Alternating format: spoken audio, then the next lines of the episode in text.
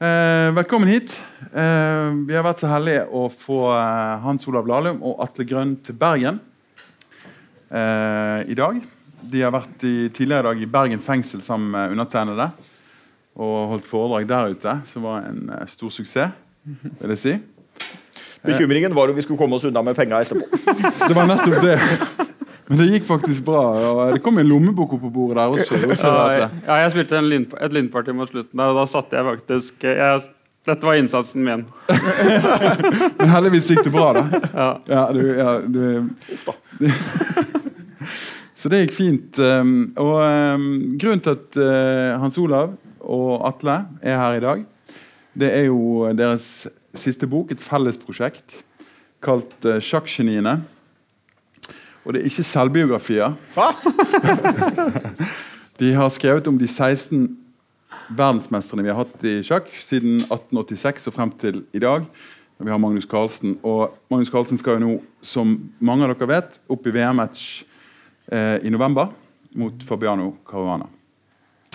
Men eh, det aller første spørsmålet jeg kan kanskje eh, begynne der. Er jo eh, begge to profilerte eh, sjakkeksperter.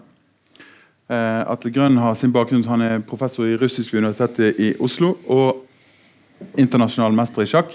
Har skrevet én sjakkbok tidligere. Eh, 'Sjakken eller livet' het den, og kom i 2016. Hans Olav Lahlum er forfatter, historiker, politiker og enkelte andre ting. Er et kjent eh, fjes. Eh, kommentert eh, sjakk og er en sterk sjakkspiller med en rating på eh, 2002, er det det, Hans Olav? Nei, det var det. Ok, ok. Ja. Ja, men da det er, vi er på to ett-tallet et sted nå. Men Ok, eh, det er greit. Ja, ja. La oss gå videre. Men um, sjakkgeniene Jeg vil bare aller først spørre om denne boken. Det er to ting jeg lurer på. Vi kan begynne med det første. Det er jo hvordan dette prosjektet kom i stand. i utgangspunktet. Uh, kanskje du vil si noe om det, Atle? Jo, uh, etter 'Sjakken eller livet', som var min første bok, da, så spurte forlaget om jeg ville skrive om den russiske revolusjon. Det var 100-årsjubileum i 2017, og det ville jeg absolutt ikke.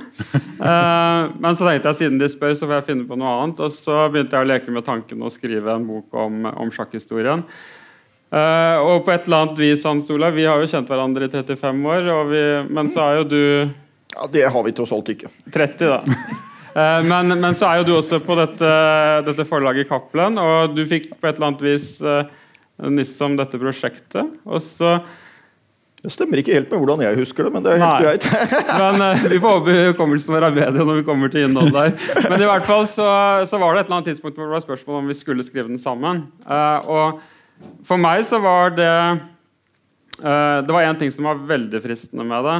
Og det var at det er jo 16 verdensmestere, og åtte av dem er sovjetrussiske. Og da var det veldig naturlig at jeg kunne da konsentrere meg om det jeg hadde mest lyst til å jobbe med, nemlig de, de sovjetrussiske verdensmesterne. Så, eh, og det viste seg at det var et, eh, et, en, veldig, en veldig god, eh, et godt utgangspunkt for samarbeidet. Jeg tar de åtte sovjetrussiske, du tar de åtte andre. og så jobbe med, med hverandres tekster. Og vi hadde jo da et veldig spennende nattlig samarbeid gjennom noen måneder. Han jobber om natta. Altså han, jeg vet ikke når du sover, men han, han starter å jobbe sånn klokka 11 om kvelden, og så hagler det inn med meldinger til meg fram til klokka 1-2, og så til slutt så legger jeg meg. Og når jeg da står opp om morgenen, så ser jeg at han har fortsatt å sendt meldinger fram til 5-6 om morgenen. Men vi hadde jo en forfatter som eh, er fascinert av alt som er gammelt, og en som er fascinert av alt som er russisk, så det var jo på vis veldig nærliggende arbeidsdeling når vi først hadde forhandlet oss fram til dette. Ja. Absolutt. Eh, Jeg husker det nok slik at Atle tok kontakt og var interessert i å skrive en bok sammen med meg, og så Oi. stilte jeg litt krav om at eh,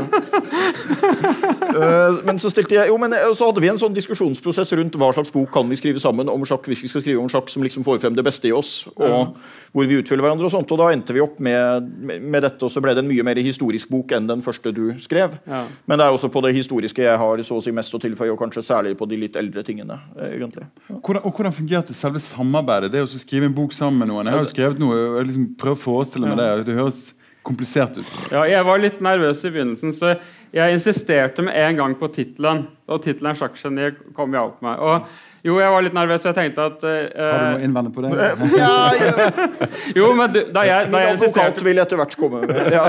Da jeg insisterte på at boka skulle hete 'Sjakkgeniet', så sa du ja, ja, det er sikkert bra, men, eh, men la oss skrive boka først, så tar vi tittelen etterpå. Så sa jeg nei, vi tar tittelen først. For jeg var redd for at vi skulle ende opp med en tittel som à la uh, 'Historien om verdensmesteren i sjakk' uh, gjennom 132 år. Fordi Hans Olav er jo historiker, eh, og jeg vil gjerne beholde denne litt sånn slentrende subjektive stilen. Og 'Sjakkgeniene' som tittel er, er for meg veldig tiltalende, fordi ingen vet helt hva et geni er. Vi er fascinert av genier, men vi har ingen objektive kriterier for å fastslå om noen er et geni. Og vi har heller ikke et, noen objektive kriterier for å fastslå om sjakkgenier er sjakkgenier. Uh, så tittelen åpner for synsing, eh, og det tiltalte meg. Og da Hans Olav gikk med på den tittelen, så fikk jo du undertittelen, da. Ja, eh, da jeg skrev ja. Det var jo noen runder fram og tilbake der også. Det var vel et tidspunkt hvor eh, ordet sjakk sto tre ganger i tittelen og undertittelen. tror jeg. Foreslo jeg at vi i tillegg skulle merke det med én sjakkbok nede i hjørnet. for at det ikke skulle være noen tvil her. Men, men eh, Nei, altså, da jeg skrev eh, Håkon Lie-biografien for snart ti år siden, så ble undertittelen 'Historien, myten av mennesket'. Der ville jeg egentlig ha myten om mennesket, og så var forlaget veldig opptatt av å få frem at det er, må få frem at det er en spennende, fortellende historie. Og det er jo i høyeste grad dette her også. Så det er jo et, eh, det er jo et klart ønske i undertittelen om å kommunisere ut at det ikke primært er en bok for sjakkspillerne. Det er en slags historiebok eh, om sjakken som tema. Sjakkens verdenshistorie, på en måte. Men selvfølgelig da med litt ekstra fokus på verdensmesterne og litt biografiske eh, ting eh, rundt det. Men eh, jeg følte nok at det ble ganske bra. Hvis vi eh, på et eller annet tidspunkt skal vi kanskje vise frem ditt første forslag til forside. Og jeg føler vel at vi kom fram til en bedre løsning der enn den vi starta med, kan vi si. Ja, det, ja, det, det var en ting Da var jeg på en hyttetur, og da hadde vi denne voldsomme SMS-utvekslingen. Eh, og da må jeg innrømme at på et tidspunkt så var jeg irritert. For du ville ikke godta denne forsiden som jeg gjerne ville ha da. Og så endte vi opp med en annen forside som jeg innrømmer er veldig bra. Eh, og så kan jo dere etter hvert bedømme mitt hvordan mitt forslag er. Det kommer etter hvert. Ja, men, eh, men ellers til samarbeid. Nei, altså vi, vi skrev førsteutkast på så å si åtte hver. Men samtidig så tror jeg at du vil finne i alle kapitlene så vil du finne noen ting som altså I, det om den sovjetiske perioden så har jo jeg lurt inn og, ø, eller tatt ut noen ting. Og tilsvarende andre veien. Så det var jo sånn typisk at først skrev en av oss første utkast, og så sendte man det til den andre, og så skulle den andre rette over og fjerne ting og ta ut ting og sende tilbake. Men, ja, Så så, det er, det er den mest, Jeg har skrevet bøker sammen med folk før, men det er nok det mest integrerte manuset, om man skal si det sånn. ja, nettopp. For du har skrevet bøker sammen med folk før, ja. Var det, Ja. var, var det veldig annerledes uh, dette? Nå var det jo sjakkens historie. Ja, dette var det mest integrerte. På, på de tidligere bøkene mine så har det nok i større grad vært sånn at vi har skrevet adskilte deler og så kobla dem sammen og så lest litt korrektur og sånt. Men her var det jo i høyeste grad innholdsmessige ting. For så klarte Atle å lure inn Håkon Lie i et kapittel eh, som jeg, eh, som jeg uten eh, hell prøvde å protestere på. Men Det er litt sånn intertekstuell humor her. da I, et, et, et sovjetkapittel så klarte jeg å lure inn Jeg snakker om den sovjetiske sjakkskolen, og det er fem sovjetiske verdensmestere fra 1948 til 1972. Og det, de fem kaller jeg den sovjetiske sjakkskolen der så jeg, bruker jeg betegnelsen 'De fems tegn', som er tittelen på Hans Olavs forrige roman. Ja. Så det var et lite vink til min medforfatter. han har liksom lurt inn noen ting som alle tenker at ha, dette har Lahlum snekket inn. Men så er det egentlig noen som har snekket inn. Så det er litt eh, det er litt skummelt, det der. Men jeg følte vel at det ble en veldig god balanse, og at vi utfylte hverandre godt. Og det, og det, jeg tror det er, begge vi to kunne skrevet denne boka uten den andre, men Ja. det ville blitt et dårligere resultat. Eh, ja. Og resultatet er jo utmerket. Og jeg, det slo meg at eh, vi har jo disse her eh, 16 verdensmesterne som dere har skrevet en bok om. og Det er veldig mye fascinerende skjebner og skikkelser i denne sjakkhistorien. da. Eh, hvorfor tenkte dere at det var liksom viktig å skrive en bok om de? og dere, Det dere har valgt å gjøre, er jo for eksempel, dere unnlater å ha mye sjakkdiagrammer og sjakktrekk. og sånne ting. Det er ikke en sjakkbok i klassisk forstand. Eh, det er ikke en lærebok i sjakk, f.eks. Det kan andre ta seg av. Ja. ja, Du har jo din, som er utmerket, som er, er til salg her. Eh, men eh, det er egentlig bare i Norge man kan gi ut en sånn type bok som det vi gir ut her. Nemlig en sjakkbok ikke for sjakkmenigheten bare, men også for sjakkmenigheten, men egentlig for et mye bredere publikum. Og det er jo Altså, Det norske sjakkpublikummet er unikt fordi det er 2,5 millioner mennesker som skrur på TV-sendingen i løpet av VM-kampen. Det er litt av noen tall. altså. Ja, og det er eh, av, Med fem millioner nordmenn så ser hver nordmann i gjennomsnitt fire timer sjakk-VM eh, på TV hver nordmann. Og da tar vi med spedbarn og, og, hva det måtte være. Eh, og Det betyr at det er en del som ser flere enn mer enn fire timer. Eh, det er bare i Norge det er mulig å skrive en, den type bok. Men min erfaring fra sjakk på TV og sjakkformidling er jo at selv om vi har 2,5 millioner nordmenn som er litt fascinert av sjakkens verden, så er det veldig få av dem som henger med på varianter. Mm. Så jeg, eh, i sjakkgeniene og i sjakken i livet så har jeg ikke ville ha sjakkpartier. Mm. Ikke lange sjakktrekkvarianter. Uh, det man derimot uh, kan ha det, i en liten grad, det er diagrammer. Fordi når man skrur på TV-skjermen, skrur på Finn, Finn på TV2 mm. eller, uh, eller NRK, så dukker jo diagrammet opp. Og diagrammet er ikke nok til å skremme bort seeren. Man slår ikke av fordi det kommer et diagram, men man slår av hvis det kommer masse varianter. Mm. Så vi har noen få diagrammer, men ikke varianter. Så Det betyr at den kan leses på senga uten sjakkbrett og bare leses som en vanlig bok. Jeg har jo pratet med folk som forteller meg at de følger sjakk på TV. Så spør jeg kan du sjakk. Nei, nei, nei. Skjønner ja. ingenting. Ja, ja. Og likevel så følger de med på sjakk på TV. Det er jo fascinerende. Ja, Pga. de geniale kommentatorene. ja, det må jo være det. Altså, jeg, jeg, har en gammel eh, en nabokone, eh, og så hadde vi hun ser på alt, da. Eh, så hadde vi dette eksperimentet på NRK med, med, med VM i Fischer-sjakk. Eh, og så var jeg veldig Det var egentlig for å skryte litt, da. Det er siste skryt jeg skal ta i kveld. Men så var jo det egentlig min, min idé å ha VM i Fischer-sjakk på dette kunstmuseet. Hva er Fischer-sjakk? Eh, ja, det er altså sjakk uten åpningsteori, hvor man trekker, om, trekker lodd om, om startoppstillingen. Uh, og så fikk vi da 25 timer eh, Fischer-sjakk på NRK, og det var helt sprøtt. For Fischer-sjakk er egentlig veldig sært. Men eh, jeg, jeg, ønsker jo å få fram at det ikke er så sært. da. Men NRK de visste jo ikke hva det var, men de valgte å sende 25 timer i beste sendetid. Eh, og det var helt vanvittig. Vi hadde høyere tall enn en, en OL-kveld på TV Norge, eh, som gikk samtidig med Jon Almaas. Mm. Eh, og så spurte jeg denne nabokona om hun hadde sett på. Ja, hun hadde sett på hvert minutt. Og så sa jeg Og det der at det var Fischer-sjakk og sånn, du syns ikke det var litt sånn fremmedgjørende? Ja, Det hadde hun ikke fått med seg i det hele tatt. Hun trodde det var helt vanlig sjakk. Så, så så de bare ser på, lar det gå og gir egentlig helt blaffen i hva som skjer på brettet. Jeg, jeg, jeg, fikk en melding fra en eldre dame som uh, satt uh, Hver gang det var sjakksending, så satt hun gjennom fem-seks timer og diskuterte det fortløpende med sønnen sin. og Det var veldig fint. Det som var litt upraktisk, var at de bodde et par tusen kilometer unna hverandre, så de satt da på telefonen hele tiden og snakka gjennom sendinga. Så det, det, er et veldig stort engasjement der ute, og veldig mange man ikke skulle tro at ser på sjakksendinger som gjør det. Uh, og Det er jo det, det er allmennpublikummet der ute vi har skrevet denne boka for. Mm. Men så egner det seg veldig godt for det. og En ting jeg som historiker er litt opptatt av, er jo at det også, man får litt økt innsikt av historien generelt gjennom å lese denne sjakkhistorien. fordi det er jo mye som går igjen den kalde krigen, eksempel, som Atle skriver mye og bra om. Absolutt. Første og andre verdenskrig, ikke sant? Mm. altså denne teknologirevolusjonen som kommer med internett, alle disse tingene. Ja. Så vil det jo være mange ting man kjenner igjen. Sånn sær liten ting fra starten der er jo at 1800-tallet er jo romantikkens århundre. Man spiller sjakk på romantisk måte. Man hiver ut offiserene og retter inn mm. mot kongen til motstanderen og fyrer løs. Mm. Eh, og eh, det regnes jo nærmest for feigt å drive og forsvare seg og ikke ta imot offer og sånt. Ja, jeg er så enig i det. Ja. noen er jo der fortsatt, selvfølgelig. Men, men, eh, men en annen litt fascinerende ting er at på 1800-tallet så hadde man noe som ble kalt offensivkulten i militærstrategien, som da gikk ut på at man trodde, altså de, alle disse generalene på 1800-tallet som mente at hvis det ble krig mm. mellom to rimelig jevnbyrdige parter, så ville den vinne som angrep først. Mm. Og det spiller jo da Til og med utbruddet av første verdenskrig så spiller dette en veldig stor rolle. fordi når det da oppstår en sånn anspent internasjonal situasjon, så mobiliserer alle hæren sin og står og henger framover grensa for å storme fram i det øyeblikk skuddet går. Ja. Som jo da blant annet i forbindelse med første verdenskrig får en ganske fatal utgang. Fordi ja. det bidrar til at krigen kommer. Og inntil type 1870 så spilte man sjakk på samme måte. Altså Det var offensivkulten som gjaldt. Men offensivkulten forsvinner da typisk nok i sjakken noen tiår før den forsvinner ut i militærstrategien. Nettopp. Nettopp. Og, og, det visste du ikke. Nei, det visste jeg ikke. Det er mange ting jeg lærer mye her i kveld. Apropos 1870. Eh, for det finnes jo nemlig en tid før vi fikk kåret en offisiell verdensmester i sjakk. ikke sant?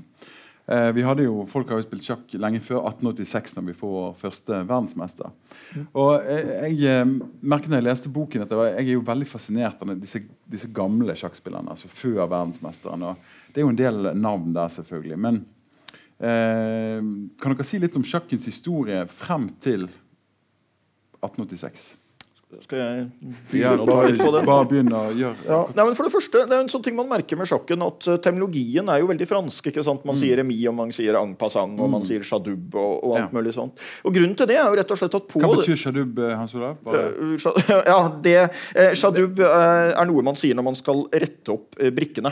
Eh, ellers så blir man dømt. Det- Man må flytte brikker, men hvis man, eh, man rører. Men hvis man har sagt chadub, så er det greit. Jeg har en litt tvilsom historie. På, altså Alle turneringsspillere sier liksom rutinemessig sjadob hvis de skal rette opp. Det var en sjakkfest en gang i tiden på en turné jeg var dommer med, hvor det var en ung dame som kom trekkende med en ung mann og pekte på han og sa han må ta meg, han har rørt meg med overlegg. Eh, men han unnskyldte seg da med, og det hadde han vitner på, at han hadde faktisk sagt sjadob eh, før han begynte å røre denne dama. Så dermed så eh, dømte jeg i favør av ham. Men, men, eh, Men ja. noe nesten ingen vet, da, bare for å ta en digresjon her, er at eh, verbet adobe på fransk brukes ikke i moderne fransk, men det betyr egentlig å slå til ridder. Så, og Det er helt uklart hvorfor dette, dette kom inn i sjakkspråket. Eh, Jadub, je er jo jeg, altså jeg slår deg til ridde.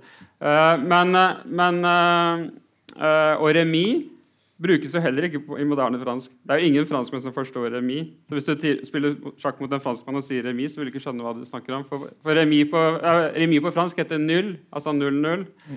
Og remis er egentlig en, et partisipp av verbet remet, som betyr å sette tilbake. Så det betyr at man setter brikkene tilbake i utgangsstillingen. Dette visste jeg heller ikke. Nei, men, men po- poenget er at fransk var altså sosietetsspråket og vitenskapsspråket på sett og vis over landegrensene. Altså Når de ledende type tidlige vitenskapsmenn og aristokratiet og de kongelige og sånt møttes på type 1700-tallet og 1800-tallet, så var det i veldig stor grad fransk de snakka. Ja. Og det var typisk i de kretser man spilte sjakk, og derfor ble den terminologien prega av det. Og det er jo da, det er jo da en F- Philidor, operakomponisten fra Frankrike, siste, del, siste tiårene av 1700-tallet, er jo den man kanskje regner for den første uoffisielle verdensmesteren. Jeg passer på å nevne navnet fordi han har en liten rolle i en anekdote litt senere, så derfor må vi ha nevnt han. Eh, men så er det jo først er det jo typisk Frankrike, da. Og så blir det man gradvis utfordra av stormaktene. ikke sant? Storbritannia kommer opp, Tyskland kommer opp etter samlingen. Eh, og så har du samtidig USA på banen da med han som på en måte er det første store sjakkgeniet, Paul Morphy. Som har en veldig kort karriere, men som feier unna all motstand på slutten av 1850-tallet. Og kanskje er den første spilleren Han har som holder stormesterstyrke. Europa, han er fra USA. Han har en europaturné. Er, det ikke Ja. sånn at han eh, kommer til Europa og bare knuser alt som er? knuser all motstand, så trekker han seg tilbake, og så blir han en sånn legendarisk skikkelse i kulissene. Han lever i 25 år til, og man lurer stadig på Morphy er jo det store sjakkgeniet, men kommer han noen gang tilbake? For han fikk aldri spilt en eh, VM-match. Nei. De kom eh, etter hans eh, tid. Vi skal straks komme frem eh, Ja. dit. Det, slo meg også Dere forteller jo at sjakk er et spill som er antageligvis 1500 år gammelt der omkring. Stemmer det? Ja.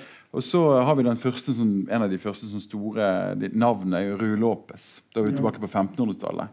Og, og han, det, Man vet gjerne ikke så mye om Rue Lopez og hans, hvor god han var som sjakkspiller, eller noen ting, men vi vet jo at i dag, 500 år senere, så er jo hans åpning, spansk åpning, for eksempel, eh, noe av det som spilles aller mest på toppnivå. Mm, er, er, du får korrigere meg hvis dette er feil, men er det ikke sånn at Rui Lopez, det vi vet om han, som han var altså regnet som et av de store sjakkgeniene på 1500-tallet, men vi har bare ett turneringsresultat. Det var fire mann med i turneringen, og Lopez kom på tredjeplass. Han ble nest sist i den eneste turneringa vi vet om at han var med i. Så det er sånn sett ikke så veldig imponerende. Nei, det, det er 1575-76 i Spania på invitasjon fra den spanske kongen at det spilles den første. Eh, Men det er jo likevel fascinerende, som du sier. Og den eh, Berlin-varianten i spansk som spilles på høyt nivå nå, som vi skriver litt om i boka, har jo da eh, har jo da hi- historien og begynner å nærme seg 200 år tilbake, når man begynte å spille den varianten på toppnivå. Ja. Tilbake til 1500-tallet, hvis du tar spansk åpning. Ja. Så det, det er tidløse elementer i sjakk sånn sett er ganske fascinerende. Og det er klart at Hvis du hadde tatt inn Rui Lopez i spillelokalet i dag, så hadde han nok ikke ligget i toppen av en Grand Prix-turnering i Bergen, men han ville definitivt forstått hva de holdt på med. Ja, Ville du slått uh, Rui Lopez, Hans Olav? Det har jeg en god forhåpning om. Eh, Han var jo en sleiping òg. Han skrev jo i den her læreboka si at det var viktig å huske å sette seg sånn at motstanderen fikk solen i øynene, så de hadde litt sånne tjuvtriks den gangen også. Et uh, siste spørsmål før jeg uh, overlater scenen til dere to. Vi skal ha en uh, holmgang. Dere ser det står en sjakklokke her. Vi, Ja. Den som lever, får se hva som skal skje. Um, og det er spørsmålet Disse verdensmestrene, bare helt generelt, hva, har dere noen tanke om hva som skal til for å bli den aller beste sjakkspilleren på kloden? Hva er det med personene, hva er det med menneskene bak disse briljante sjakktrekkene? Jeg trodde jeg skulle bli en sånn, men eh, jeg, det, det, er ikke for sent ennå. Men... Nei, jo, det tror jeg faktisk. noe av det som er veldig morsomt når man jobber med en sånn, en sånn bok jeg, vis, jeg, visste for så vidt på forhånd også, men det er at disse 16 er jo veldig forskjellige personligheter.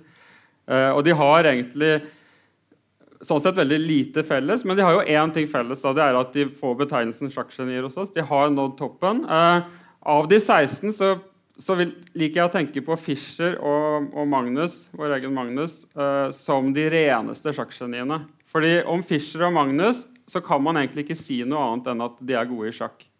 Eh, så Magnus, eh, Faren til Magnus Henrik sier jo at Magnus var bedre i matematikk som seksåring da han begynte på skolen, enn da han gikk ut av skolen som 18-åring. Og Det er faktisk ikke en kritikk av norsk skole, men det sier noe om Magnus. Det er klart at Han har et intellekt som gjør at han kunne vært god på andre områder, men i, når alt kommer til alt, så er det bare sjakk han kan. Og sånn var Fischer også. De andre 14 som vi skal se senere, de har uh, ofte andre ting også å bidra med. Uh, men, men, men er, på sjakkområdet så er, de, er, disse 16 ekstreme, men de er jo også veldig forskjellige spillestil. Så det går ikke an å si at for å bli best i sjakk så må du være posisjonsspiller, eller for å være best i sjakk så må du være kunstner, eller så må du være vitenskapsmann, eller så må du være sportsmann. Fordi man har kombinasjonen av alle elementene. Mm. og noen er veldig gode på noe, andre er veldig gode på andre ting. Jeg har en sånn liste med fire faktorer der som jeg ofte hevder både på ulike nivåer forklarer hvem som blir gode i sjakk og ikke. Og da er det talent, intelligens, vel å merke sjakkintelligens, altså sjakktalent, sjakkintelligens, konkurranseegenskaper og egeninnsats. Mm. Altså det er klart, Hvis du er et superdupertalent uh, og har veldig høy sjakkintelligens, ja. men har spilt veldig lite, mm.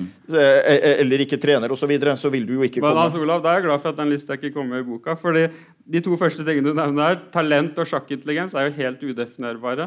Ja, det er derfor jeg ikke tok det med. Men, eh, men, eh, det er jo ingen som vet Det er jo bare en sirkeldefinisjon. Nei, nei men altså det kan eh, Men det, vi kan ta en lang diskusjon om det. Jeg har, det, er det er diskutert i en annen bok, fordi jeg mener og, og det er klar at du kan også diskutere om de bare burde samles i en betegnelse, men jeg har nemlig møtt på spillere som har veldig høy uh, sjakklig intelligens uten egentlig å ha noe stort sjakktalent. Og så har jeg møtt på folk som har et veldig stort sjakktalent, men som sliter med å videreutvikle det til en sjakkintelligens. og noen mm. sånne ting, Men det, nå er vi på vei eh, et, et, godt stykke av gårde. Vi kan vel i hvert fall si at det, det å bli en av disse 16 forutsetter konkurranseegenskaper på veldig høyt nivå. Ja. Og det forutsetter at du har brukt veldig mange timer på å trene og spille. Det hadde alle disse gjort. Mm. Og så kan du kalle det talent eller intelligens, eller hva du vil, men du må ha veldig gode forutsetninger. Du må ha brukt titusenvis av timer på dette, og du må ha gode nerver, som de hadde i større og mindre grad. da. Og fordi eh, Det slo meg bare at eh, jeg husker den her eh, Stefan Zweig sin sjakknovelle. Mm. Og denne verdensmesteren på det tidspunktet, Mirkovic, tror jeg han heter. noe sånt. han blir jo da fremstilt som analfabet og rimelig brautende, ubehagelig figur uten noe særlig i hodet, men en fantastisk sjakkspiller, mm. naturligvis. Mm. kan en Regner dere han som en, en det er jo en fiktiv person. Ja, det, ja, ja. det er en fiktiv person. En, altså en det hadde vært dumt om vi hadde glemt den. nummer 17 eller nummer 1. Men kunne, kunne, en sånn person bli verdensmester i sjakk med, sånn som han fremstilles av Svag? Kom litt på denne gamle replikken med at det er noe uklart om han er virkelig, men helt klart at han er virkelig ufordragelig.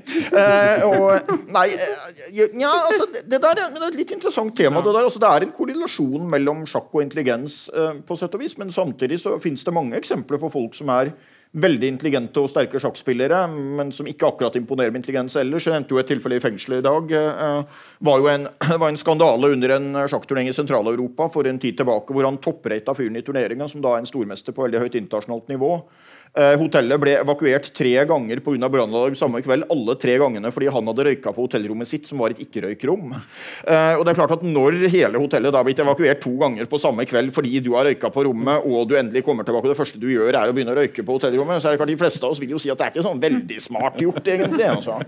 Ja, Men er man da blind for resten av verden? Er man bare så fokusert på sitt eget at man bare ikke tenker på det. det. det. har de nok felles. at De har hatt en periode i livet i hvert fall, eh, på vei mot toppen hvor de er så fokusert at de bare tenker sjakk denne besettelsen. Men, men, for å svare på ditt spørsmål om uh, det kunne, kunne, være en sjakkverdensmester av den typen som er beskrevet av Stefan Zweig, så vil jeg si at Petrosian, den armenske verdensmesteren, minner litt i den forstand at uh, han var ikke selv analfabet, men han var uten skolegang. Faren var analfabet uh, og vokste opp i ekstrem fattigdom. Uh, Men klarte da altså å komme seg fra Tbilisi, hvor, uh, hvor, han vokste opp, til Armenia og så videre til Moskva og bli verdensmester. Og Det er en klassereise som er, er, er helt eksepsjonell, og litt, minner litt om den historien. Og Sveig har antageligvis ikke kjent til Petrosjan på det tidspunktet. Fordi, hans ja, kommer jo, fordi han kom jo 20 år senere. Det er nettopp det. Ja. Det er et sterkt indis i den ja.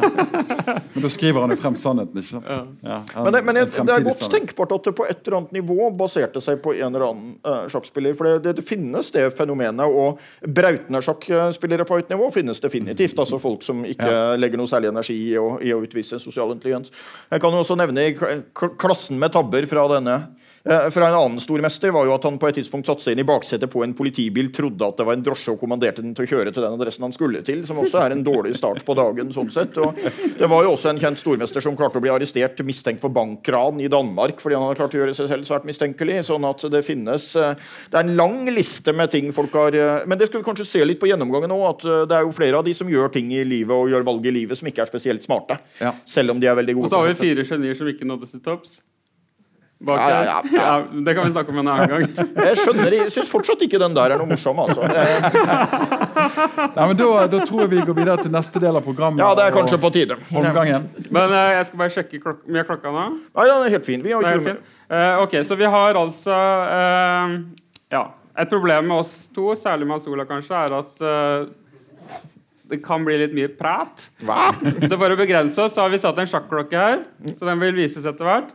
Uh, og vi får da 20 minutter hver. Og Hans Olav, du begynner. Ja. Uh, fordi jeg skal jo da ta første del. Kan vi få opp bildene etter hvert? Ja, de, de, kommer litt sånn ja. uh, fordi, ja, Det var jo da slik at Wilhelm Steinitz, den første verdensmesteren, regnet seg som verdensmester helt fra 1866. Han kommer fra den jødiske gettoen i Praha, oppvokst i svært enkle kår. Ikke som den siste i historien, så skulle han egentlig reise til universitetet i Wien og studere matte, men det ble mye mer sjakk enn matte. Eh, han er den første sjakkproffen, på sett og vis. Den første som lever et liv med inntekter fra sjakken, delvis på å skrive og delvis på å spille sjakk og vinne pengepremier, som det jo er en del av på den tiden. Så har han ikke tapt noen match. Han vinner en match mot den beste tyske spilleren i 1866 og titulerer seg som en slags verdensmester etter det. Men det er en uoffisiell tittel. Eh, og utover 1880-tallet så er det ikke lenger klart at han er verdens eh, beste turneringsspiller. Ja, Turneringen 1883 er det vel. Eh, kommer han tre poeng bak Johannes Zuckertort, den beste polske spilleren, som spilte mye mer romantisk eh, eh, angrepssjakk. Du har brukt et halvt minutt. Eh, og der er, det, der er, det, en episode på banketten etter turneringa hvor eh, hvor arrangøren da foreslo at man skal utbringe en skål for verdens beste sjakkspiller. og Da spretter begge to opp for å ta imot applausen. og Da kom han til at det var kanskje på tide å samle og få en offisiell VM-tittel. Interessant å merke seg at like før dette får boksingen, som tilsynelatende er litt annerledes, men som jo også er en legendarisk duellsport, et VM-system basert mye på det samme. Man har en regjerende verdensmester. Han møter utfordrer i en kamp med pengepremier og greier. Han må vinne, eller i hvert fall ikke tape, for å holde tittelen. Steinitz vinner denne første VM-kampen i 1886, som vi har skrevet mye mer om i boka. Det blir med rette eller urette oppfattet som posisjonsspillets triumf over denne romantiske angrepssjakken. Fordi Steinitz i veldig stor grad var mannen som utformet den moderne sjakken, forsto betydningen av bondestrukturer, forsto betydningen av å få offiserene i gode posisjoner før man angrep, eh, osv. Så, så det er i veldig stor grad Steinitz som sånn sett skaper det. Han vant partier på en måte som var helt uhørt i tiden. Han tok bønder. Når motstanderen ofret bønder, så tok han dem, og så satt han og forsvarte seg, og så vant han sluttspillet. Og Det er en helt rutinemåte å vinne på i dag, men det ble ansett for nærmest usportslig den gangen å spille på den måten. Eh, men det gjennombruddet kommer da. Han vinner, og han forsvarer tittelen flere ganger.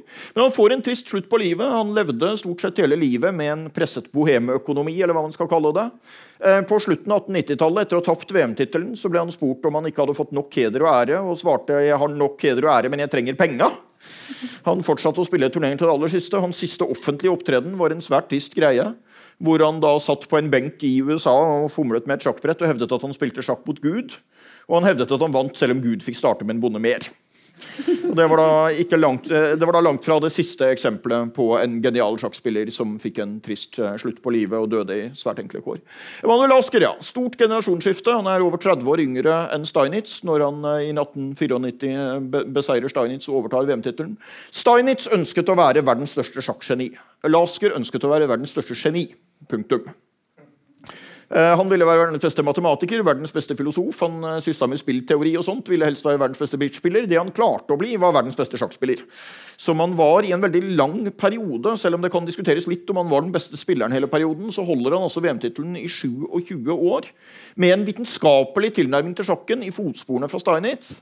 Men samtidig så er Lasker, selv om han ser ut som en litt sånn teoretisk akademiker der han sitter, med lorgnett og greier, så øh, var han en Eh, utpreget praktiker. Eh, I veldig stor grad mannen som skaper sjakken som moderne konkurransesport, og psykologien i det. Altså Steinitz hadde prøvd å finne det beste trekket i enhver stilling som havnet på brettet foran han. Lasker prøvde å finne det trekket som ga han best sjanse til poeng mot den motstanderen han møtte. Så hadde han sine opp- og nedturer, han også. Eh, han var jo da tysker av jødisk avstamning. Tapte en stor del av formuen sin i første verdenskrig. Uh, han Først var han verdensmester i ti år uten å spille VM-kamper. og Så spilte han seks VM-kamper på fem år, og så var det ti år uten VM-kamper igjen. Men det skyldtes jo dels første verdenskrig, som fikk det internasjonale sjakklivet til å stoppe opp. Uh, og uh, etter det så taper han da stiller opp til en VM-kamp hvor han har sikra pengepremie og taper mot en av de yngre utfordrerne. som vi straks skal få se. Han hadde sine opp- og nedturer. Var persona non grata i Storbritannia og USA etter første verdenskrig. Kom til å spille og gjøre sporadiske comeback med oppsiktsvekkende sterke resultater gjennom 20- og 30-tallet. Og var trolig på verdens topp ti selv da han begynte å nærme seg 70 år. Eh, sånn sett en, ikke bare en unikt lang periode som verdensmester, men også en unikt lang karriere på toppnivå. Han var i verdenseliten i nærmere 50 år. Eh, da kan vi trille videre til mannen som endelig detroniserte Lasker. og Det var jo da den store Capablanca. Og Her kommer Sør-Amerika, skråstrek Latin-Amerika, på banen. Eh, Capablanca var cubaner, ble nasjonalhelt på Cuba. Um, og var oppvokst i et uh, hjem med mye militærstrategi som sønn av en offiser under den cubanske frigjøringskrigen. Han mente selv at sjakkinteressen startet der. Og at han hadde en sånn barnslig, eh, barnslig intuisjon som han utvikla, eller hva du skal kalle det, barnlig intuisjon. Hvor eh, han, eh, Man sa ofte at sjakken var Capablancas morsmål. Eh, det falt liksom helt naturlig for Vi ser et bilde av ham her som vidunderbarn. Og en rolle han senere trivdes svært godt med, eh, som sånn, sånn dandyaktig sjakkgeni i møte med en av de mange pene unge damer.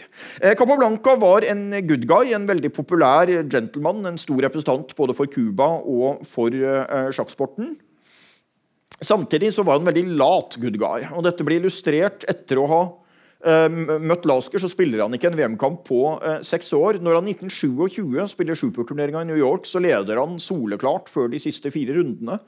Og Da finner han ut at han vil spille remis i de fire siste rundene, fordi han vil ikke påvirke kampen om andreplassen mellom de andre spillerne. Uh, og Her er det da en sånn legendarisk situasjon hvor han spiller mot en av de som kjemper om andreplassen i turneringa.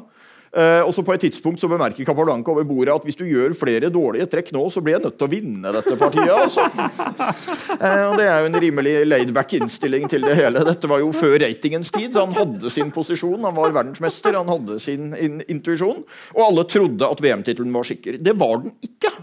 I 1927, når han endelig spiller VM-kamp, og da skal vi videre, så møtte han denne mannen, Aleksandr Aljekin, som kom fra det gamle hvite Russland, så å si det aristokratiske tsar-Russland. Vi sa at Capablanca var good guy. Og, eh, og lat. Aljekin var ingen av delene. Han var en hardt arbeidende bad guy. Eh, da VM-kampen starta i 1927 og spillerne ankom Buenos Aires, hadde Capablanca ikke forberedt seg før han kom. Jeg hadde jo et par ukers tid på båtturen, men han brukte den fortsatt ikke til å forberede seg. Eh, Aljekin hadde begynt forberedelsene i 1913.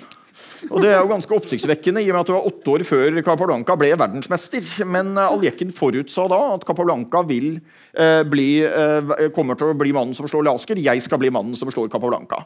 Så var det en tid hvor utfordreren måtte sikre premiefondet og finne sponsorer. og Det var da en lang vei fram både for Aljekin og andre. Han hadde en dramatisk vei fram dit. Eh, da første verdenskrig brøt ut, spilte han turnering i Tyskland, ble internert.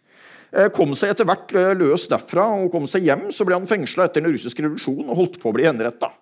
Han var riktignok ikke så nær å bli henretta som en av de andre toppspillerne Bernstein var. Eh, Osip Bernstein sto oppstilt for å bli henretta.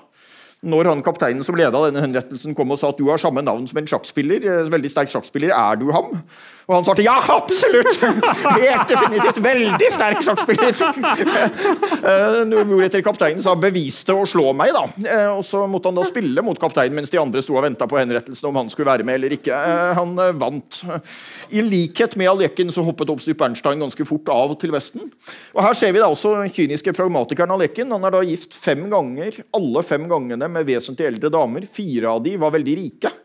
Og Den siste kona, som da var en fransk-amerikansk kunstner, var veldig rik, og hun så så gammel ut at det ble spekulert i at Alekin hadde gifta seg med enka etter han 1700-tallsverdensmesteren Philidor. Eh, så eh, han var en pragmatiker sånn sett. Han står oppført som jurist her. Det var han nok. Han titulerte seg senere som doktor Alexander Alekin og hevdet at han hadde tatt en doktorgrad i Paris på 20-tallet. Men den doktorgradsavhandlinga har altså bare en tittel og ikke en tekst. Eh, så det var, i likhet med mye annet i livet til Leken, eh, en bløff. Han løy og bløffa og opptrådte tidvis grovt usportslig. Dømte sitt eget parti i remis i sjakk-OL i en dårligere stilling, f.eks. Som aldri ville vært godtatt av dommerne i dag. Men det var jo da en tid hvor eh, sterke menn hadde litt sånn autoritet og pondus. Han vinner det store slaget i 1927 mot Capablanca. En sånn illustrerende historie på mentalitetsforskjellen på de to er jo at På en av toppturneringene noen år tidligere så hadde arrangeren invitert dem med en kveld på varietéteater, og det var en blandet suksess. Capablanca så aldri ned fra de lettkledde damene på scenen hele kvelden. Aljekin så aldri opp fra lommesjakkbrettet som han satt og stirret på. Eh, og det sier vel da noe om eh, innstillingen her. Men Aljekin har da Hans Olav, kan jeg teste deg på en quiz? Eh, vent til vi er ferdig med nei, dette. Nei, jo, jeg vil ta den. Okay. Hva er Magnus Carlsens favoritt-VM-kamp? Ja, Det er 1927. Eh, den lengste mellom Capablanca og Aljekin. Han sa de spilte dårlig i åpningene, men de, spilte, eh, men de spilte veldig bra uh, senere. Den lengste VM-kampen til nå Aljekin vinner dette store slaget i Buenos Aires, men duellen er ikke over med det. I ni år fremover så møtes de ikke på brettet. De spiller ulike turneringer og vinner dem. Eh, eh, Capablanca sender stadig nye utfordringer om å få en returkamp. Aleken kommer på stadig mer suspekte unnskyldninger for hvorfor han ikke vil gi Capablanca en returkamp. Og han møter da i stedet antatt svakere motstandere. Han vinner to ganger mot sin landsmann, tidligere landsmann Bo Ljubov, som er den største overoptimisten i sjakkverdenen.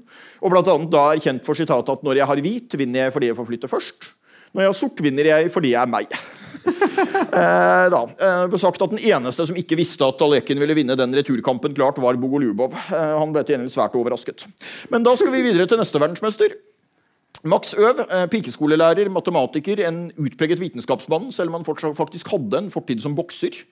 Eh, det var ingen som trodde at Max Øv hadde noe særlig sjanse til den VM-kampen. Han fikk spille VM-kamp fordi Aljekin ikke ville møte Capablanca. Men til den VM-kampen i 1935 i Nederland så er Aljekin eh, Øv er godt forberedt og edru. Aljekin er ingen av delene. Og det ender da med at eh, Øv eh, sensasjonelt vinner 15,5-14,5. En match som blir et stort gjennombrudd for Nederland som sjakknasjon. Og vi kjenner jo i dag fortsatt Nederland som bl.a. denne Vi kan se-turneringen og, og, eh, og, og, andre ting. Max Øv er en hedersmann i sjakkens historie. Ble senere sjef for Verdenssjakkforbundet FIDE også. Ja, masse tid. Og men eh, han får aldri den posisjonen som legendene før ham har hatt. Han får jo da bare halvannet år som verdensmester. Han gir sportslig nok Alekin en returkamp. Den taper han veldig klart. Og selv om han er en sterk spiller senere, så blir han aldri en seriøs kandidat til å gjenerobre eh, VM-tittelen, eh, i hvert fall på brettet. Det var en litt spesiell situasjon etter krigen. Men eh, Alekin vi vi kan gå tilbake. Eh, fordi vi kan se tilbake på Aljekin, som jo nå er tilbake som verdensmester. Eh, på slutten av 30-tallet eh, så var det en journalist som satte seg ned for å notere ned hvor mye Aljekin inntok av sigaretter og kaffe under et parti. Han kom til 100 sigaretter og 20 kopper kaffe.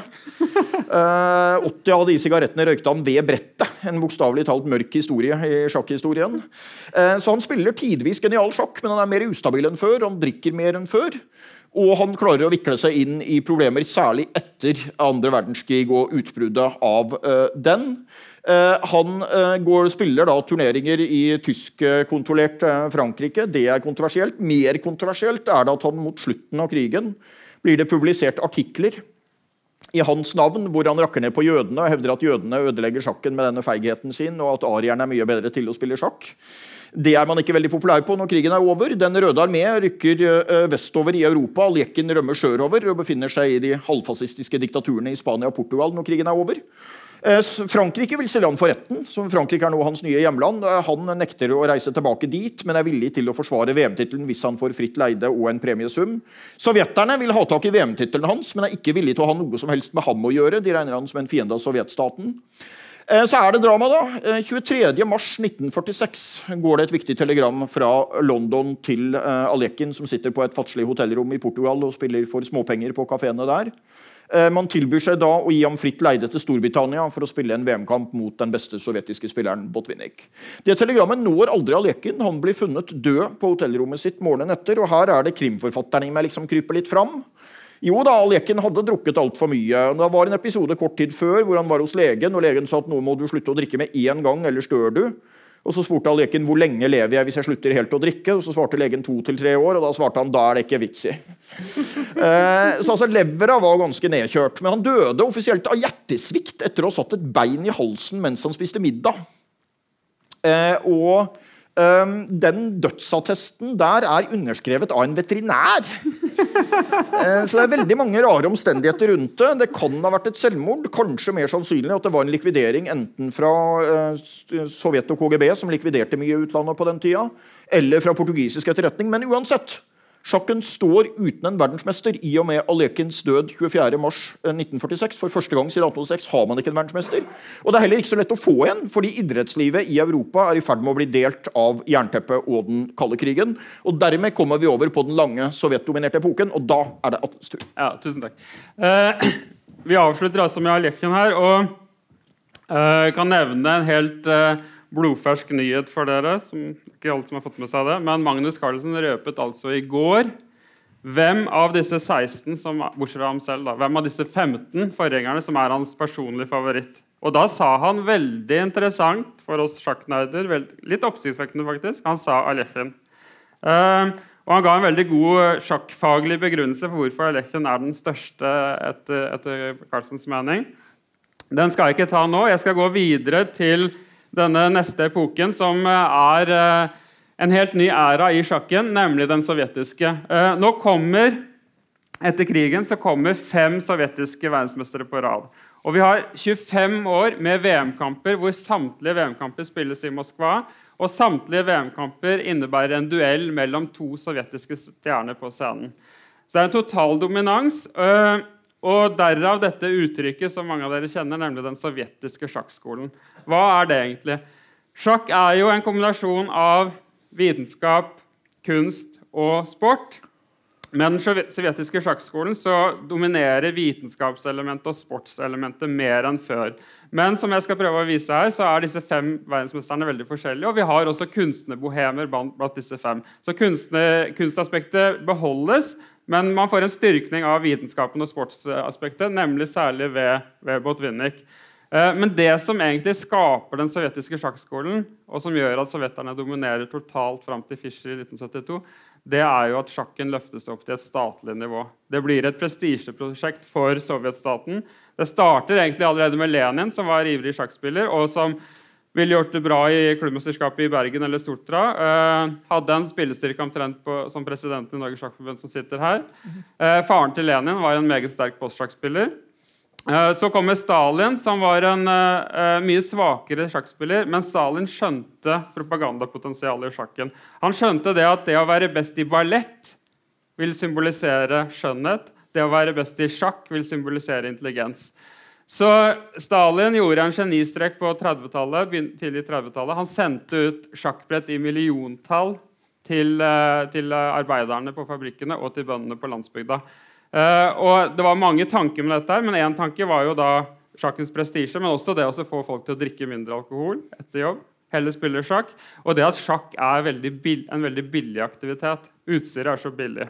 Uh, og Dette ble da en kjempesuksess. og etter krigen så begynte man å høste frukter, nemlig at man fikk den første verdensmesteren, patriarken Botvinnik, som øh, var litt sånn som Lasker, at han ville være universalgeni. Han ville ikke bare være verdens beste sjakkspiller, men han ville også redde menneskeheten. Han ville, først, han ville starte litt beskjedent med å redde Sovjet øh, og den sovjetiske økonomien.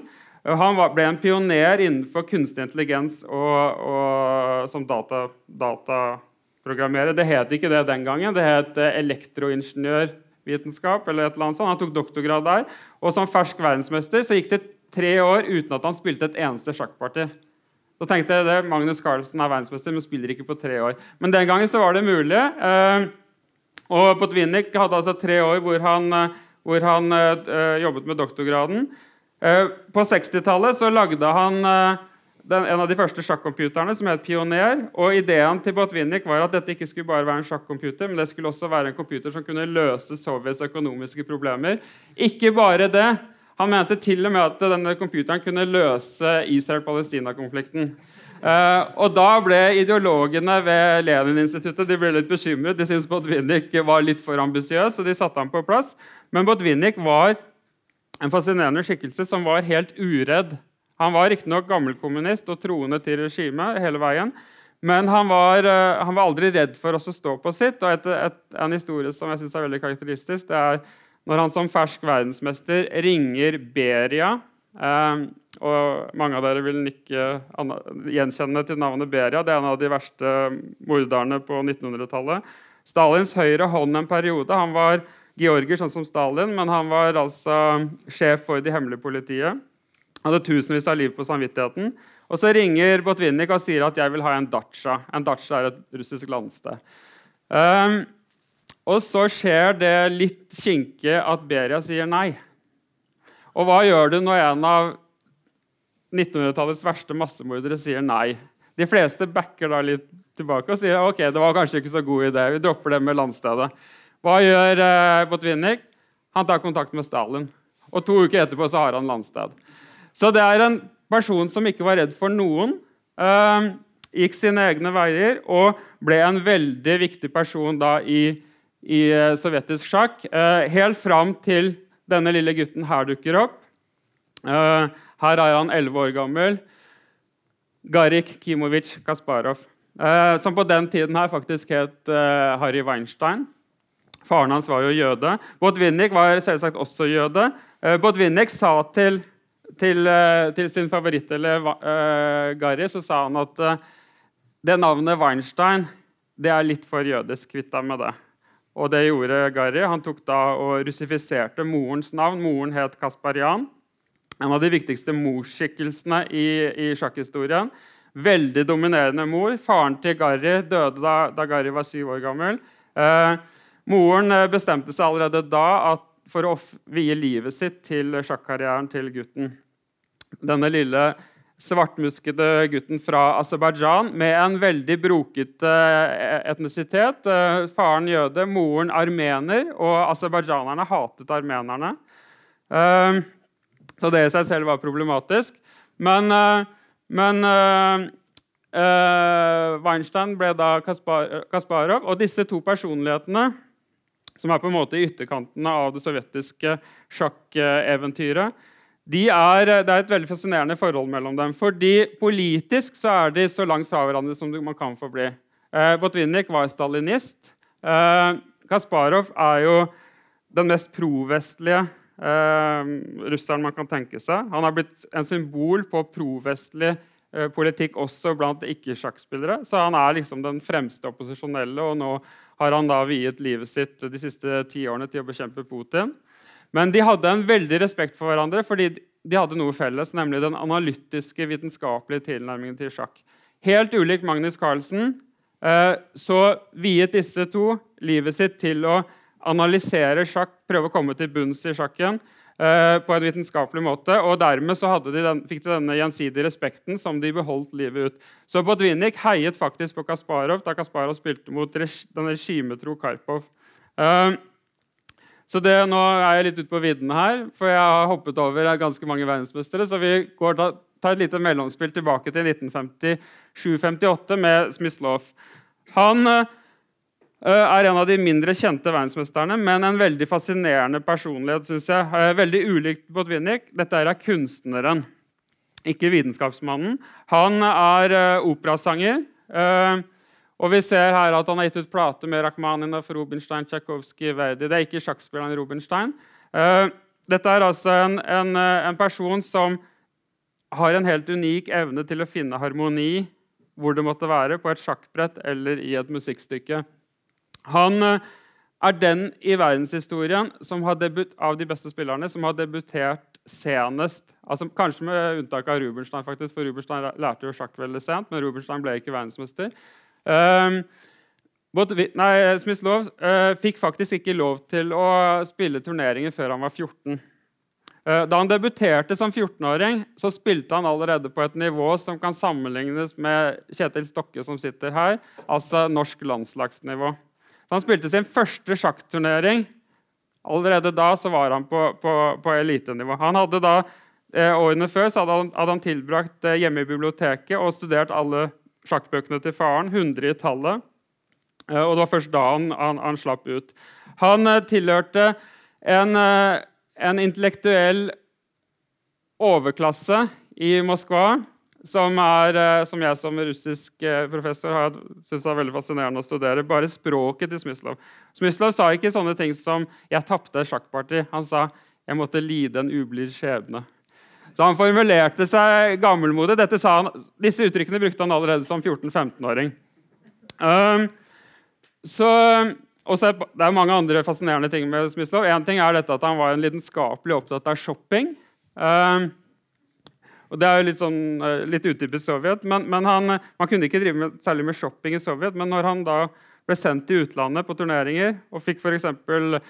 lommepenger 300 mark til å spille en tysk turnering, så skjønte Smyslov noe som eh, han, han, skjønte det kapitalismens vesen eh, Eller en interessant ting ved kapitalismens vesen som er veldig merkelig, nemlig det at når du kjøper et klesplagg i en tysk eller norsk butikk, så kan du bytte det klesplagget neste dag. Og det gjorde Smyslov. Han, eh, han, kjøpte seg en, eh, en, fin dress for de 300 markene første dag. Så viste han til alle stormesterkollegaene, og uansett hva de sa, så gikk han og byttet neste dag. Og så holdt han på å bytte da, dette klesplagget under hele turneringen, og slik så fikk han maksimalt utbytte av shoppingen. Det var han veldig fascinert av. Eh, og så var han veldig fascinert av religion. Han trodde på absolutt alt. Eh, og han, han, spilte en turnering på Island, så begynte han å tro på, på disse, våre norrøne guder. Uh, han uh, mente f.eks. at uh, hvis man ble syk, så skulle man drikke sin egen urin. Og det ville ikke holde å bare gjøre det én gang, man måtte gjøre det fast i to uker. For det hadde en indisk vismann sagt. Uh, han trodde på alt han, han leste. Men han er en fascinerende person. Og så kommer på mange måter den mest fascinerende av alle disse sovjetiske verdensmesterne, den store bohemen Mikhail Tal, som hadde latvisk jøde, eh, som hadde født bare med tre fingre på den ene hånda. Han hadde egentlig alle sykdommer man kunne tenke seg. Han levde hardere enn noen av verdensmesterne. Eh, og Vi skal se noen eksempler på det etterpå. Men se bare på dette blikket til Tal. Dette er et blikk som hypnotiserer hypnotisere motstanderen og forfører kvinnene. Eh, og han visste å utnytte begge deler. Han er eh, en, eh, en ekstremt karismatisk person. I motsetning til Botvinnik, som var ingeniør, så er Tal opptatt av russisk litteratur, som han kaller svart magi, og som han mener har Eh, skylda for at det gikk som det gikk med helsa hans. Han, han ofret seg til russisk litteratur og til sjakk og til alkohol og til røyk. Ingen har drukket og røykt så mye som Tal. Det gikk, eh, det gikk døgnet rundt, og ingen hadde så mange kvinnehistoriesamtaler. Boris Baske som vi kommer, senere, kommer, til senere, han var også glad i kvinner og hadde mange ekteskap, men han var imponert over Tal. Fordi Tal hadde offisielt tre koner og tre elskerinner, men alle visste at det var mange flere av sistnevnte. Uh, alle var fascinert av Tal. Og hvis jeg skal sam Altså, Tal er en person som du ikke går an å finne opp. Selv de største russiske forfatterne hadde ikke klart det. Dostojevskij hadde ikke klart det. Den eneste kanskje som kunne komme til nærheten, er Gogol. Uh, nå skal jeg vise noen bilder av Tal her. Så vil dere se at dette er en person som Det fins bare én Tal i historien. Og, og Dostojevskij hadde ikke klart dette her. Se på denne personen. Dette er Tal. Se på det blikket Se på den. Han hadde, alltid, han hadde alltid dette lure blikket, han hadde alltid denne røyken. Han var, ble kalt Trollmannen, og man skjønner hvorfor. Han hadde alltid en kommentar på lur. Eh, Hans Olav fornærmet meg en gang eh, da vi jobbet med manuset. Vi hadde et veldig bra samarbeid, men jeg må likevel si det, for du brukte formuleringen Jeg fikk heldigvis strøket den, da. Men, men eh, da du skulle skrive om Fischer, Hans Olav, som kommer i 1972, så skrev du etter den grå sovjetiske perioden dukker Fischer opp. Og heldigvis fikk jeg, fikk jeg fjernet dette grå. Uh, den sovjetiske perioden som vi ser her, er ikke grå i det hele tatt når vi har personligheter som tall. Tre av fire bilder i grått, men ok. um, så tar jeg en, uh, Har jeg tid til en episode? Det har jeg egentlig ikke, men jeg tar det likevel. Uh, en episode med tall som bare, noe som bare tall kunne gjøre. Han er verdensmester, og er, vi er i 1961. Uh, en legevenn av Tal har en, en, psykiatrisk pasient som mener han har slått Lasker. Denne psykiatriske pasienten er 26 år gammel i 1961, og Lasker er jo flere tiår tilbake, så dette var umulig. Uh, legen ringer Tal og sier kan ikke du komme og, og, ta et parti mot denne pasienten, og så får han på bedre tanker. Han tror han er en sjakkens gud, og at han har slått Lasker. Og så kommer Tal. Han er fersk verdensmester. Setter seg ned. Og så skjer det som egentlig bare kan skje med Tal. Han taper partiet. Uh, og det er, eh, det er, bare Tal som kunne finne på noe sånt. Han taper ikke med vilje. og Tal blir da litt uh, lettere sjokkert, eller svært sjokkert og forlanger en revansj. Og Den psykiatriske pasienten godtar å ta et parti til. Og Tal sier at han aldri har vært så nervøs under et parti noen gang. Mer nervøs enn da han spilte om VM-tittelen VM med Botvinnik. Og så vinner Tal revansjen, og så sier den psykiatriske pasienten ja, du, ikke, eh, du, er ikke så dårlig likevel, men du skulle ha sett Lasker. så kommer et par år senere så er Tal hedersgjest på en stor amatørturnering. Og så ser han denne pasienten, tidligere pasienten i lokalet. Eh, hundrevis av amatører, stor sovjetisk turnering. Og så sier Tal til sine stormestervenner, som er der som æresgjester, denne fyren her er et geni, la oss gå bort til han. Og så går de bort og så ser de på parti, partiene hans, og så er det jo helt vanlig puddingsjakk. Og så sier Tal han er helbredet. Uh, så kommer Petrosian, som har denne spesielle bakgrunnen med at faren er analfabet og, og, og, og moren død, og han, han, er nødt til å uh, forsørge familien ved å jobbe som vaktmesterlærling. Uh, får ikke skolegang, men kjemper seg til Moskva kjemper seg fram til uh, verdensmestertittel, har den mektigste kona i sjakkverden. Kasparov har den mektigste moren, Klara. Uh, uh, Petrosian har den mektigste kona, Rona. Vi skriver en del om dette. her. Rona hun gikk veldig systematisk til verks. Hun vurderte de ulike sovjetiske stormesterne på 50-tallet. Hvem har størst potensial til, til, å ta Botvinnik? Det skal bli min ektemann.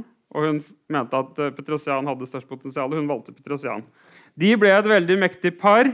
Eh, og litt typisk er Han kommer virkelig fra ingenting, en enorm klassereise, og så blir han verdensmester og KGB-informant. Eh, og ekstremt mektig. Og det er ingen hemmelighet at han misbrukte også denne makten. Og Vi skriver en del om, om, om denne personligheten. Langt fra et gjesp, selv om som sjakkspiller så har han en stil som er kun for de innvidde, så, så, noen vil anklage ham for litt kjedelig spill, men, men, en veldig fascinerende livshistorie. Så kommer Baris Baski, også en, en, helt annen personlighet. I likhet med Petrosian er han oppvokst under ekstrem fattigdom.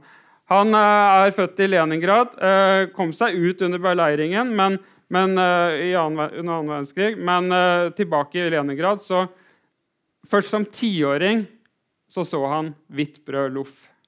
Og Det sier litt om hvilken fattigdom han oppvokste i. Det gikk ti år før han uh, fikk se en, en skive loff. Uh, han sier at hans lykkeligste tid det var da han gikk barbeint i parkene i Leningrad og spilte sjakk som, som 10-11-åring. Uh, eh, og selv da han ble verdensmester, så ingenting kunne måle seg med disse opplevelsene fra barndommen.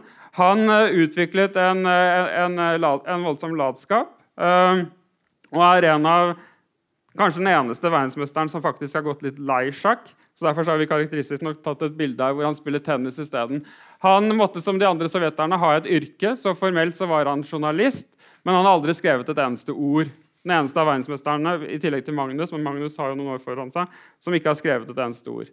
Eh, da Hans Olav, så skal vel du få lov til å snakke litt? Ja, um jeg kan jo tilføye at uh, Spassky har jo mange morsomme, litt selvironiske uttalelser. En av dem går jo da ut på at han sa at jeg Må hver eneste dag kjempe mot min egen latskap, og jeg taper de fleste dagene.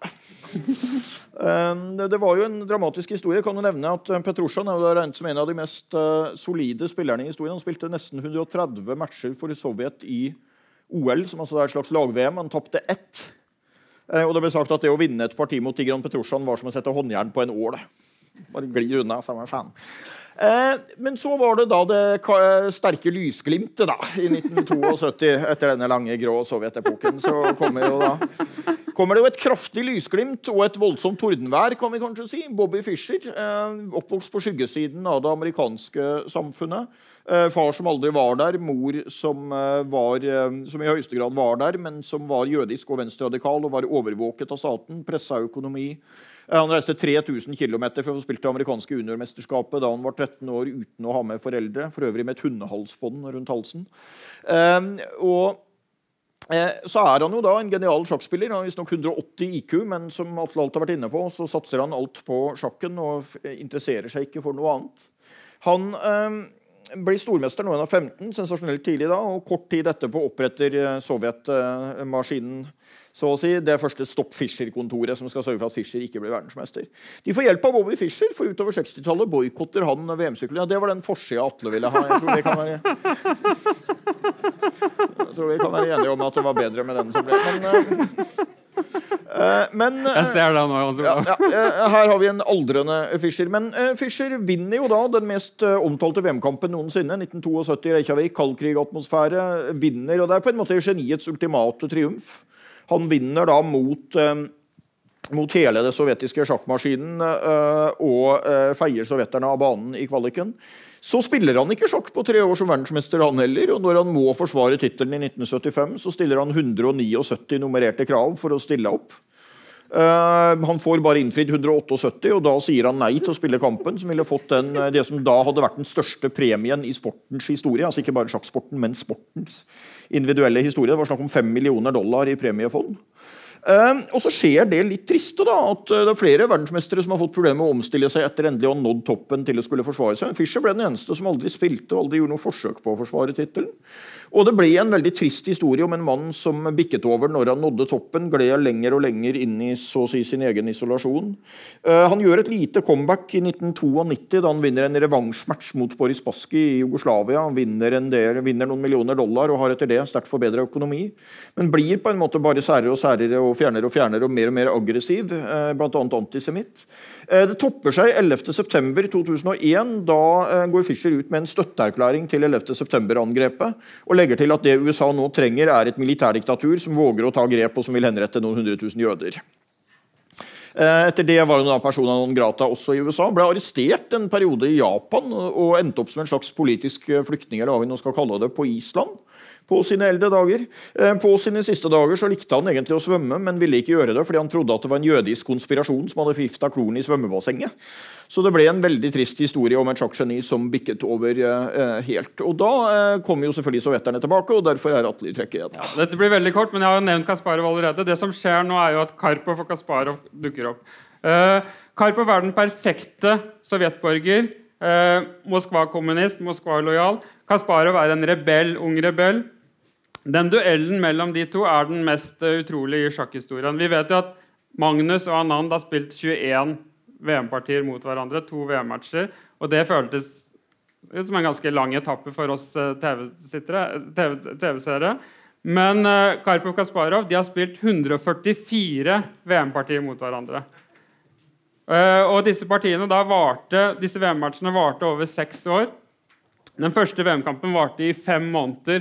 uh, og er en eh, har formet meg som sjakkspiller, har preget min ungdom og har gjort at jeg har blitt den jeg har blitt. Jeg tror ikke jeg skal si mer om det.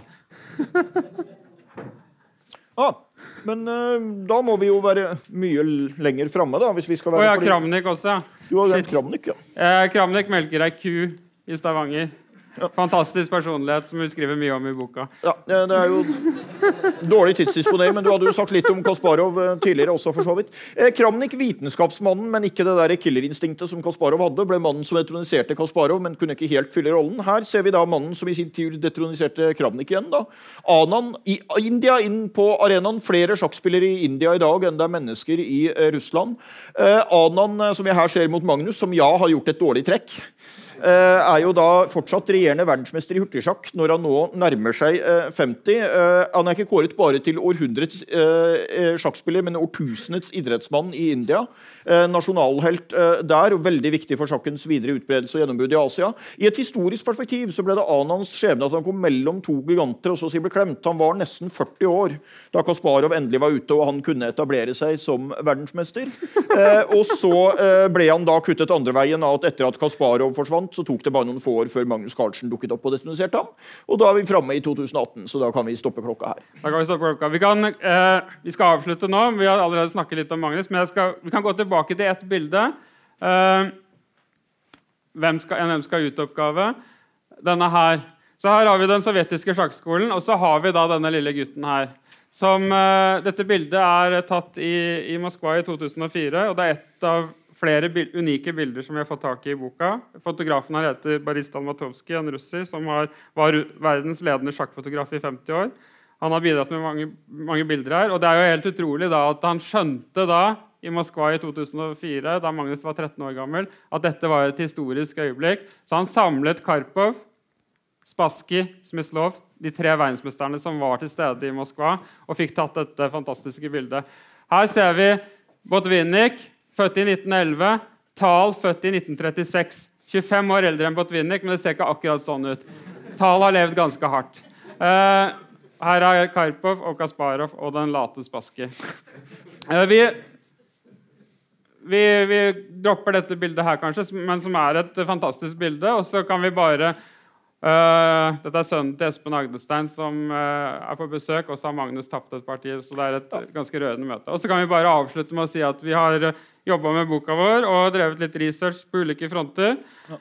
Vi må si litt om Magnus når vi først er kommet eh, frem til han da. og Det er jo ganske unikt at man har fått frem en norsk verdensener i en sport. ikke sant? Nå følger vi jo ivrig med og jubler fordi en tennisspiller som er sånn nummer 100 i verden eller et eller annet rundt der, eh, detaljer melder man jo om, fordi det er en verdenssport som Norge tradisjonelt ikke har vært oppe i, hvor nivået har vært veldig høyt.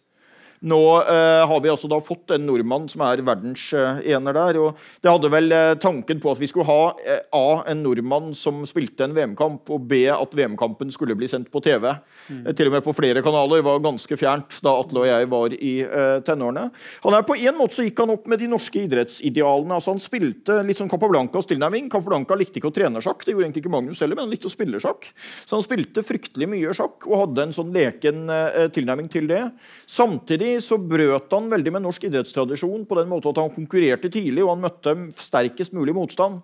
Norsk idrettstradisjon er jo at du liksom ikke skal konkurrere internasjonalt før du kommer litt opp i tenåra, og du bør i hvert fall da bare møte jevnaldrende. Magnus spilte sitt første VM da han var 11. Eh, han eh, konkurrerte internasjonalt eh, hele tida, og han, møtte, han ville ikke møte jevnaldrende, han ville bare møte sterkest mulig motstand. Han fikk en del juling, som heldigvis er mindre farlig i sjakk enn f.eks. i boksing. Men men han sa jo selv spøkefullt at jeg vant jo nesten ikke turneringer før jeg var nummer én i verden. Men han ble da nummer én i verden i rekordung alder og har klart å holde den gjennom nesten hele 2010-tallet. Og Vi har sett at det er flere verdensmestere som har slitt veldig med å omstille seg til å være motivert for å forsvare tittelen etter å ha vunnet den. Spassky var helt umotivert. Fischer prøvde ikke engang osv. Uh, Smyslov og Tal falt ut veldig fort. Men uh, Magnus har jo klart det. Har nå spilt tre VM-kamper. To mot Anand, som var en generasjon eldre. Én mot den jevngamle Karjakin, som jeg husker at han vant med nød og neppe for to år siden. Og så står han der jo nå, da, møter for første gang en yngre utfordrer. Veldig spennende at det er siden Karpo-Kasparov-kampen. Så har man ikke hatt den situasjonen man har hatt nå. Det er en klar nummer én, verdensmester som sitter som nummer én og skal møte den som åpenbart er nummer to. Så dette er den tøffeste duellen du får, og også en uh, helt annen spillestil enn forrige utfordreren Karjakin. Uh, Caruana spiller serve- og volleysjakk. Altså han kommer til å prøve å presse Magnus med hvit særlig. Og så kommer han til å gå for angrep, og så kommer vi til å få et fyrverkeri av en VM-kamp. Og så er det helt åpent ut fra ratingtallene som vinner. Vi tror begge at Magnus er favoritt, men det er klart Caruana har fordelen av å være mer sulten og på vei opp. Det er lettere å motivere seg fra den utfordrerposisjonen. Eh, og Resultatene hans til nå i år har vært vel så sterke som Magnus. hvis du ser på ratingprestasjoner og sånt. Men Magnus har godt tak på innbyrdes oppgjør. Og Han er en mer komplett spiller og han har erfaring med å spille VM-kamper. Så vi tror ikke det blir nødvendig å skrive boka om igjen med et nytt sluttkapittel for Caruana neste år. Men vi kan jo alltid være i beredskap i tilfelle det skulle bli nødvendig. Og vi tror det blir en veldig spennende VM-kamp. Har du noe å legge til? Nei, bare legge til at jeg, Du disponerte tiden litt bedre enn meg denne gangen. Eh, vi havnet begge i tidsnød, og klokken er nå stoppet. Vi har eh, eh, Ja, Remi. Ja. Ja, det er, eh, det er eh, hundrevis av små, små store historier i boka. Uh, og vi er altså disponible til å legge til noe om Caruana. Men det viktigere er at vi er faktisk også disponible hvis noen vil ha vår signatur eller et eller annet nå. Så kan vi, kan vi fikse det også. Vi kan jo først spørre om det er noen spørsmål i salen etter dette. Det ble en ganske lang rundreise her, men det er jo bare hyggelig hvis det er noen i salen som ønsker å spørre om noe. Stokk, ja. Jeg tar en mi, men dere kan ikke gjøre det før det har gått 30 verdensmenn. Nei, det er sant. Nei, det er sant. Det er kommet sånne rare regler. Vi har, vi har enda ikke tapt, Vi har reist rundt flere steder og snakket om disse mesterne. Vi har enda ikke tatt på tid, noen av oss. Men jeg må innrømme at eh, jeg har som regel så pleier jeg å få igjen noen ord om Karpov. Dette er første gang jeg ikke har fått inn et eneste ord om Karpov, så litt dårlig disponert tida. Men, men eh, Ja, vi, så vi hadde litt kortere tid enn vanlig også, da. Ja. Men vi fikk jo sagt litt i introen også på det. Vi kan jo si at vi har jo på det der evige spørsmålet 'Hvem er den største?' så har vi jo eh, satt opp rangeringslistene våre til slutt. Ja, Og vi har samme mann, nemlig Kasparov, på topp. Ja. Eh, Så eh, vil vi vel samtidig si at hvis du ser på hvem som hadde oppnådd mest da de var 27, så er Magnus en veldig klar nummer én. Det var ingen andre som hadde vunnet så mange sterke turneringer, eh, VM-kamper osv. da han var 27, som det Magnus har nå.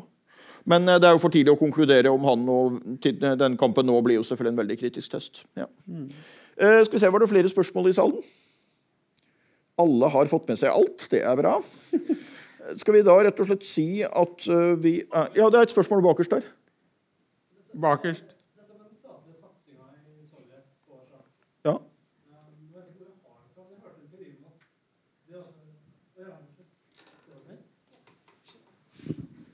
Ja, den, det- den statlige satsinga i Sovjet på sjakk. Eh, Jeg hørte en teori en gang om at det var for eh, taktisk for at eh, intellektuelle personer skulle bruke tida på å spille sjakk istedenfor å kanskje ende opp som opposisjonelle til sovjetregimet. Ja, jeg, jeg, jeg, liten, jeg har en liten historie om det i boka. Altså, vi skriver jo mye om dette i boka, men en, en historie der er uh, et sitat fra Katsjnoj, den onde avhopperen Katsjnoj, som, eh, som var en uh, som hadde en veldig, veldig vanskelig karakter, og som var et problem for sovjetmyndighetene. Han endte jo også som avhopper. Da han spilte mot Karpov i 1974, så sa han at eh, fotball og hockey det sender man på russisk TV for at russerne skal drikke mindre. Sjakk sender man på russisk TV for at russerne skal lese mindre Solzjenitsyn. Som var da den, eh, den, den store, stygge dissidentforfatteren. Eh, opposisjonelle. Så du er nok inne på noe, at eh, man har en I et land som eh, Sovjetunionen med 300 millioner innbyggere, så har man en veldig stor europeisk intelligensia. Eh, og i hvert fall på en eh, 30-40 millioner mennesker som er, som er opptatt av intellektuelle sysler. Og det er jo ganske viktig å få dem til å ikke da tenke for mye politikk. I, det? I grenseland til det så er jo dette med hva man kan kalle sportsnasjonalisme noe som man har sett at man bruker veldig aktivt i dag. Eh, også eh, dopingproblematikken og dette har jo vært oppe i dette. Men det er jo helt tydelig også under Putin at man har satt seg veldig på å liksom levere brød og sirkus til folket med å levere sterke sportsresultater som folk kan juble over og få det til å føle at vi er verdens beste nasjon. Og det var nok den sporten det var aller størst interesse for. Så, det er der, så kommer jeg jo til å tenke på dette sitatet fra tidligere nobelprisvinner i litteratur, George Bernard Shaw, som ble spurt hva han tenkte, eh, hva sjakk var, da svarte han at eh, sjakk er en god metode for å forlate folk til å føle seg intelligente. Men Karpov sa jo, for å si en ting om Karpov, siden jeg snakket så lite om han her Karpov sa jo noe som jeg alltid har syntes har vært veldig pussig, fordi det er helt utenkelig fra et vestlig perspektiv, men han sa at eh, fotball er en idrett ingen, driver, ingen spiller, utøver, men alle forstår. Eh, hvilket er veldig rart, fordi det er jo noen som driver med fotball. Eh, men det, det sa han. Og så sa han at sjakk er derimot en idrett, sport, alle spiller, men ingen forstår. Så når sjakk er storebror og fotball er lillebror, så sier det litt om, om sjakkens status var i Sovjetunionen. Jeg tror Karpov overdrev litt. Ja, Men det var flere sjakkspillere enn fotballspillere i det gamle Sovjet. Ja. Uh, Visstnok uh, litt avhengig av definisjonen. Registrert, ja, helt sikkert. Ja, ja. absolutt. Eh, på, på, på, eh, på, begge deler. Nei, men da eh, er vi vel i ferd med å gå inn for landing. Og så kan vi jo selvfølgelig love at det er mye mer spennende detaljer og rare historier og alt mulig i, eh, i boken, inkludert rangeringslistene. Skal vi gå ned fra scenen, og så hvis det er noen flere som har spørsmål, så får dere bare komme med dem. Vi henger rundt litt her og, og, og, eh, og, og signerer bøker og sånt. Så da er vi vel i mål, er vi ikke det? Jo. Gi oss en skikkelig applaus, da.